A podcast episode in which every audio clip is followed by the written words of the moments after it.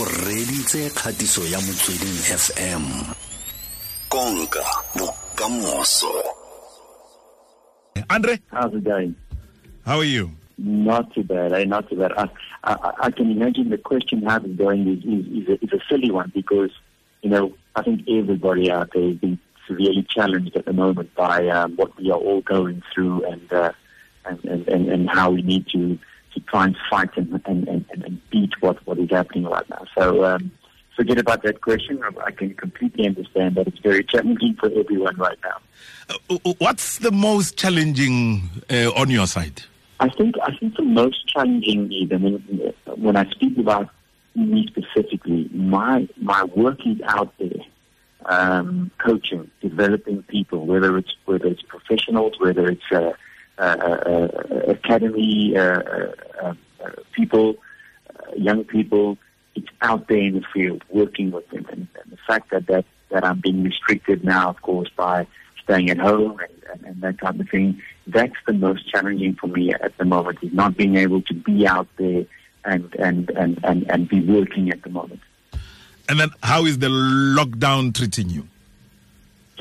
Um, it's a it's a it's a it's a weird kind of thing. You know, I, I- would imagine that everybody would say the same thing that we, as South Africans, we we're not used to it. Um, you know, we we we we we we we spend time at home and then we spend time at work and then we are doing things and, and, and so it's a very strange thing to have to adapt to. But we have to be mindful of the fact that we are faced with a serious pandemic. Um, It's not something we can take lightly.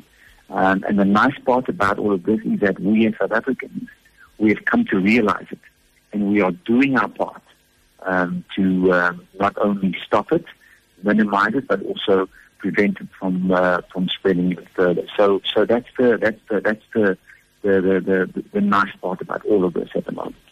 It's something that is happening to all of us for the very first time, and uh, surely, as a soccer player, you you you personally never experienced something like this. As a goalkeeper coach, how are you uh, communicating with the goalkeepers, your players, uh, the guys that you are uh, day in day out? You are with them uh, at the field of play and training. Uh, and are there any special programs that you gave to them to practice at home? Yes, um, exactly. That's what we have done. Is of course we, you know, based on on on on the information that, that, that we've all received from the president and from the health organizations as to what was going to happen in terms of the lockdown, we moved very swiftly to uh, to to create programs for uh, for all of our players, and um, we we tried as much as possible as a as a as a, as a, a technical team to to focus those programs individual specific uh, uh, um, uh, sort of sessions. So uh, what I've done was I've created specific goalkeeping sessions for all my goalkeepers, all the way from my professional uh, uh, department all the way down to all my academy goalkeepers as well. Um, and we've, we've, we've, we've, we sort of streamlined it specifically to it. So we've combined it with um, with some with some with some quick feet movement because quick feet is very important for goalkeepers.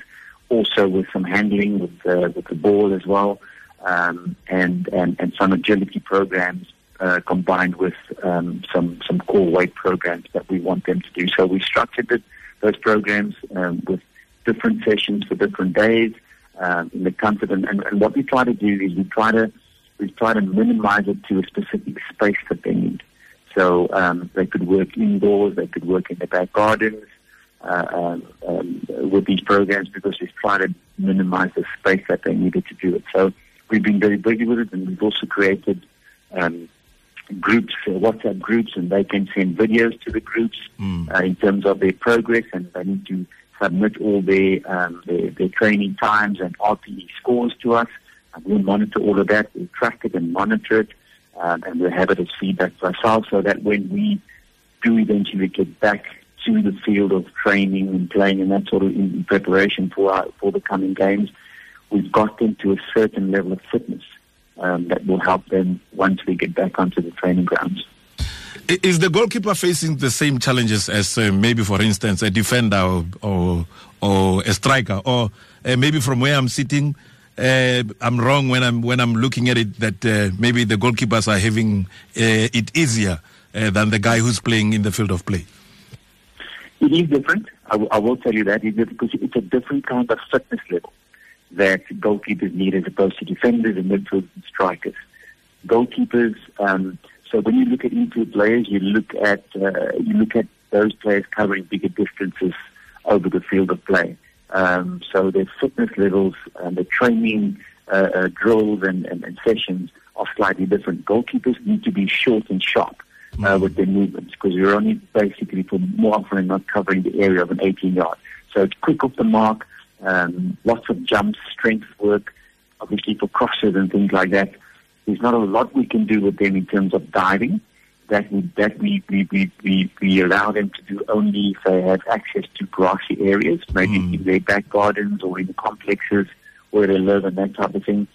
But the the the amount of work, the emphasis on work, I would I, I would sometimes go as far as saying that goalkeepers have to do a lot more work in terms of training regimes because your the body takes a pounding when you're diving and you quick off the mark, you're running short distances and you're you're you're, you're, you're working more on explosive um, also mark uh, kind of drills as well. So the training methods um, can become even more intense than into players at times.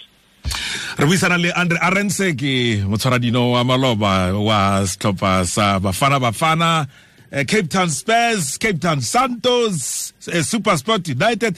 Ditlhopha tse dintsi tse uh, di diretseng go fitlha ga jaana ke ne moeng wa rona mo maitsiboeng a letsatsi la gompieno. Mme ga ke solofele re tla nna le tšhono ya gore re buisane mo mogaleng tota. Re ka se dilo tse dintsi tse re tshwanelang ke gore re buisane le ene fa ka tsona mo maitsiboeng a gompieno. Re tla mmitsa gape mme re nne le tšhono ya go ka buisana le ene. Andre let's, let's go back to day one. Were you always a goalkeeper from day one Um, I've got to confess I wasn't.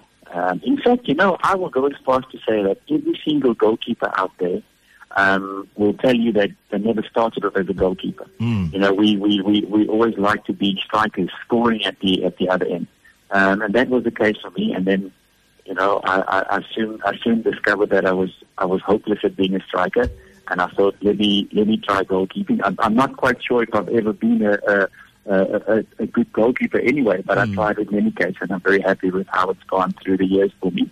Um, it's given me, you know, opportunities through the years, and uh, and, and and what it has done is it, it, is, it has helped me gain so much experience in the in that field of play and that position that I, I ultimately have am blessed with having the knowledge to pass it on to my goalkeepers now.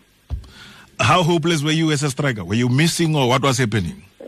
I was hitting rows dead there behind the goal every time I tried to have a shot, and uh, I was I was almost the, the, the, fans in the stand must had to get out of the way. it, it wasn't working. I wasn't I wasn't finding a target and uh, there's no specific person who really showed you that uh, Andre, you can become a, a goalkeeper instead of a striker. Nobody converted you into that. No, it, and you know what? It was it was it was by pure coincidence. One day, I was. Um, what happened was I was still playing amateur football, and um, um, uh, my coach didn't have a goalkeeper uh, for one of the games, and um, and I, you know, without even thinking, I put my hand up and said, "Well, let me try put me in the goals," and I really enjoyed it. Really enjoyed it, um, and I got to working more and more, sort of training. But, you know, back then in those days, you got to remember, we never had specific goalkeeper coaches. So we you literally got in the goals and you were saving balls and you, you know, crosses were coming in, you were trying to catch them, but under no supervision, under no guidance, under no coaching um, situation. So it was, it was more a case of learning the position myself. Mm-hmm. Um, and because I got to love the position so much, it became easy for me to learn it. And then obviously later on in my career, um, you know, I started getting goalkeeper coaches, and and and what a lot of a lot of people don't even know is mm. I got my first goalkeeper coach proper at the age of 24. That was yeah. my, my first goalkeeper coach, and that goalkeeper coach was Clive Barker. He had a little bit of knowledge about coaching goalkeepers specifically, and he started working with me, and and his his his sessions, his drills made a lot of sense, and it was more game related than anything, and, and from then on. I started there, and then of course when I went um, overseas to Fulham, mm. I um, I then had a designated goalkeeper coach, and I learned a lot more about the position then. And do you still remember how you joined Bafana Bafana? Is it because of that relationship between you and and and, and the big dog? And Clive Barker? Um, no, it was when I got to Bafana that he started um, goalkeeper coaching me and of course the other goalkeeper. It, it, it, was not before then. It was when I first got to Bafana. Mm, mm. So that was when it uh, all started to grow, and um, uh, and and, and the, the, fact that that that we, we combined so well with our session. Um, uh, when we used to take, used to make time for taking the goalkeepers um, for training sessions. Of course, back then, you know, myself, the likes of Steve Crowley and Mark Anderson, and and all of those uh, uh, players who were just sort of um, some of them uh, finishing off and, and some of others continuing with, with, with, the, with the whole process as well. Um, you know, that, that, that, that was the period that, that had happened. So it was a long way um, into professional football before a lot of us actually first got uh, proper goalkeeper coaching. Many players who are from down in the Cape, they struggle when they come up in, in Gauteng and other provinces. What is happening down there in Cape Town that is so nice uh, about uh, the teams that you played for, Santos, uh, Cape Town Spurs? Maybe it's time you take us back. Yeah. You know, I'm, I'm going to give you an answer to that, and I think I'm going to be in trouble with a lot of, or with some of these Cape Town footballers, mm. because you're right. It, it, it, seems to be an issue with, with, with, with some, not, not, not all, not all footballers who come from Cape Town. Mm. But you know what? You know what? I honestly think. I honestly think it's mommy's cooking that uh, they miss too much, and, and it's a problem that we can't be too long away from mommy's cooking. And I think oh. that's why that's why they struggle when they come to Joburg because there's no more mommy's cooking. They're going to be in trouble with a lot of them now. Did you did you did you uh, also experience some some some kind of uh, you know you're missing love back at home when when you you you came up, especially when you were busy with Bafana so, Bafana going up and no, but. But you know, it, it was a little bit easier for me when I came to Joburg mm. because I was born and bred Cape Townian, um, lived there and played there all my life. And then when I left Cape Town Spurs in 1997, I didn't even go to another city in Joburg. I went to, to, to, to London. Um, and that was even further away from home. And it was tough. Um, the weather conditions, the people, you need to get to, to certain levels of your game. Um, so it was really tough to get to grips with. Um, and, and it made me a stronger person because I was so far away from home mm, and I had mm. to learn quickly and adapt quickly to a modern way of life. And of course, like I say, the weather conditions over there didn't help. And when I came back to South Africa, I went to Santos. And after Santos, the fact that I had spent uh, time away from South Africa made it easier for me to come to Joburg from Cape Town. Um, so I really didn't have uh, uh any problems in settling into life in Joburg as opposed to Cape Town where where did you really enjoy your football? Cape Town Spurs or Santos? Um, both of them were very special in uh, in different ways. Uh, Cape Town Cape Town Spurs. It was a long. It took a longer process um, for me to win a league title. So it was probably about um, four or five years um, struggling and getting into the, the pro scene and working hard and trying to, to, to make a name for myself uh, as a goalkeeper, um, fitting in with the team. And then when I when I got to Santos, I came to Santos with a lot more experience, mm-hmm. um, and, I, and and it was a lot easier for me to be able to guide my defenders, for example, um, and, and and the rest of of, of, of, of, of my teammates. Um, but the, the feeling of being able to win a league title with both those teams was just just a wonderful, wonderful feeling. And what are the fundamental skills that you uh, learned about goalkeeping that you still see uh, in today's game? Um, so, goal, goal, goalkeeping for me is, is it's literally when you when you look at when you look at football as a whole, as a game as a whole, goalkeeping for me is the one component of all the positions on the field that is, is it's not a career, it's a calling mm. because it's a very special position. Um, you know, I always say that you know when you when you when you look at it when you look at a, at a formation on the field of play, your striker is backed up by your midfielder, who's backed up by your defender, who's backed up by your goalkeeper, who's backed up by nothing. And when a goalkeeper makes a mistake, and I always say that football is a team sport until a goalkeeper makes a mistake. And that's the kind of pressure that you have to deal with. So the, the psychological part of goalkeeping is, is, a bigger component than actually playing the game. Uh, and that is the difference between your defenders and midfielders. They can, they have more enjoyment with playing the game because there's a, there's less pressure on them.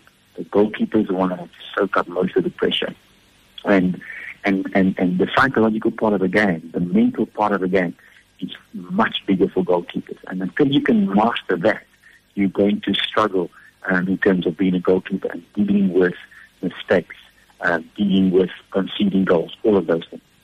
Did you have some rituals that you, did before uh, the game that you believe that uh, when I do this, uh, I'm going to have uh, the best game of my life? Uh, or maybe some of the things that you kept in your your, your socks, or that we didn't see. We know Brian Baloyi used to keep a towel and uh, and a squeeze bottle behind him, and most of the people thought maybe uh, in the squeeze bottle there's something special that helped helped him to uh, to keep the goals. And did you have something like that? So there, there were there were there were two things for me. I I, I always used to put left side on first, um, boots and socks, and and then right side boots and socks. It always used to be um, that way around, Mm. um, and, and and for some reason it just, it just stayed with me all the time. And I used to have this, this this pair of shorts I used to wear under my goalkeeping shorts. I had I must have had I must have had it for about fifty years, man. Um, I, I, and, and and and my my family wanted to throw it away, and I said, "Are you mad? That's my my my my career will be over if you throw those away while I'm still playing." Yeah. That's my my lucky shorts, and I always had. And they were the happiest people that when I eventually retired, they they burned it in front of me because I didn't I didn't need it anymore. So we we, we goalkeepers have got a crazy element about them. You have to have a crazy element about you if you want to survive as a goalkeeper. Mm, mm. And obviously, you can't be scared of some of the big defenders that uh, you are playing with No, no, no, no. You you can't. Uh, you can't. because you have to be vocal as a goalkeeper. Then. you, you, you have to be vocal as, as, as a goalkeeper. And I, uh, when I first became a goalkeeper, um, and I was, uh, and, and, and in my, my, in my first couple of seasons as a professional goalkeeper, I was playing behind uh, players who, who've been in the game for many years, and I was so scared to tell them what to do, but I quickly learned that if I didn't, Mm. it was going to be my fault. And, and, and if it was my fault, the same players were going to come down very, very hard me. So I learned very, very quickly about that.